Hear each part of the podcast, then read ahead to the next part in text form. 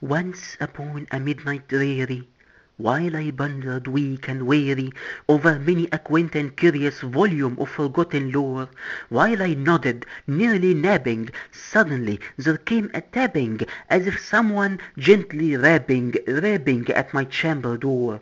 "'Tis some visitor," I muttered, "Tapping at my chamber door, Only this, and nothing more." Ah, distinctly I remember It was in the bleak December, And each separate dying ember Wrought its ghost upon the floor. Eagerly I wished the morrow, Vainly I had sought to borrow From my books the surcease of sorrow, Sorrow for the lost Lenore, For the rare and radiant maiden Whom the angels name Lenore, Nameless here forevermore. And the silken, sad, uncertain Rustling of each purple curtain Thrilled me, filled me with fantastic terrors Never felt before. So that now to still the beating Of my heart I stood repeating, "'Tis some visitor entreating Entrance at my chamber door, Some late visitor entreating Entrance at my chamber door, This it is, and nothing more." Presently my soul grew stronger, Hesitating then no longer, "Sir," said I, "or Madam, truly Your forgiveness I implore; But the fact is I was napping, And so gently you came rapping, And so faintly you came tapping, Tapping at my chamber door, That I scarce was sure I heard you." Here I opened wide the door, Darkness there, and nothing more. Deep into that darkness peering, Long I stood there wondering, fearing, Doubting, dreaming dreams No mortals ever dared to dream before.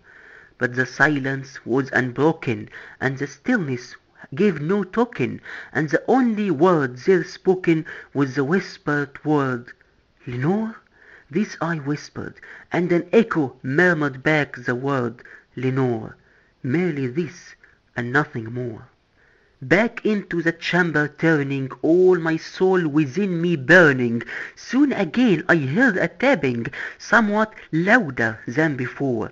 "Surely," said I, "surely that is Something at my window lattice; Let me see then what thereat is, And this mystery explore.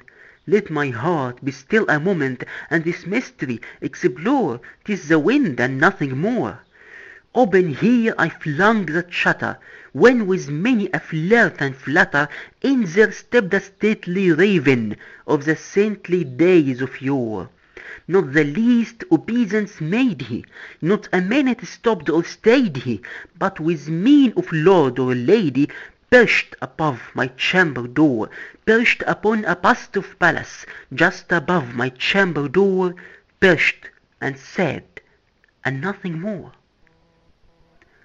Then this ebony bird beguiling My sad fancy into smiling By the grave and stern decorum Of the countenance it wore, Though thy crest be shorn and shaven, Thou, I said, art sure no craven, Ghastly grim and ancient raven, Wandering from the nightly shore, Tell me what thy lordly name is On the night's Plutonian shore. Quoth the raven, Nevermore. Much I marvelled this ungainly fowl to hear discourse so plainly, though its answer little meaning, little relevancy bore. For we cannot help agreeing That no living human being Ever yet was blessed with seeing Bird above his chamber door, Bird or beast upon the sculptured bust above his chamber door, With such name as Nevermore. But the raven sitting lonely on the placid past spoke only that one word, as if his soul in that one word he did outpour. Nothing farther than he uttered, not a feather than he fluttered, till I scarcely more than muttered, Other friends have flown before, on the morrow he will leave me, as my hopes have flown before. Then the bird said, Nevermore. Startled at the stillness broken By a reply so aptly spoken, "Doubtless," said I, "what it utters Is its only stock and store, Caught from some unhappy master, Whom unmerciful disaster Followed fast and followed faster.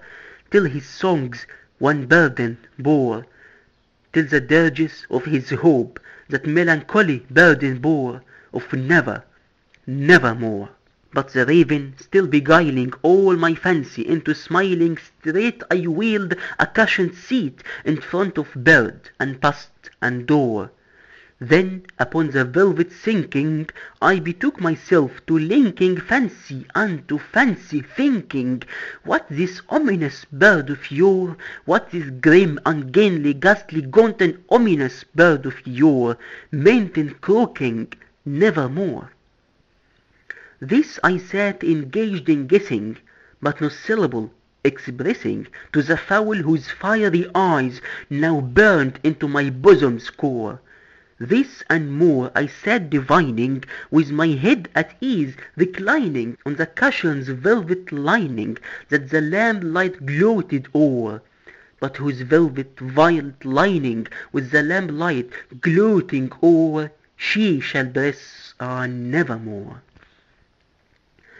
Then methought the air grew denser, perfumed from unseen censer, swung by seraphim whose footfalls tinkled on the tufted floor. Wretch, I cried, thy God hath lent thee, by these angels he hath sent thee, respite, respite and nepenthe from thy memories of Lenore. Quaff, oh quaff this kind nepenthe, and forget this lost Lenore. Quoth the raven, nevermore. Prophet, said I, thing of evil, prophet still, if bird or devil, whether tempter sent or whether tempest tossed thee here ashore, desolate yet all undaunted, on this desert land enchanted, on this home by horror haunted, tell me truly, I implore, is there, is there balm in Gilead? Tell me, tell me, I implore. Quoth the raven, nevermore. Prophet, said I, thing of evil, prophet still, if bird or devil, by that heaven that bends above us, by that God we both adore. Tell this soul with sorrow laden, if within the distant Eden it shall clasp a sainted maiden, whom the angels name Lenore, a and radiant maiden, whom the angels name Lenore, quoth the raven, nevermore. Be that word our sign of parting, bird or fiend, I shrieked, upstarting, get thee back into the tempest and the night's Plutonian shore. Leave no black plume as a token of that lie thy soul has spoken. Leave my loneliness unbroken. Quit the bust above my door. Take thy beak from out my heart, and take thy form from off my door. Quoth the raven, nevermore.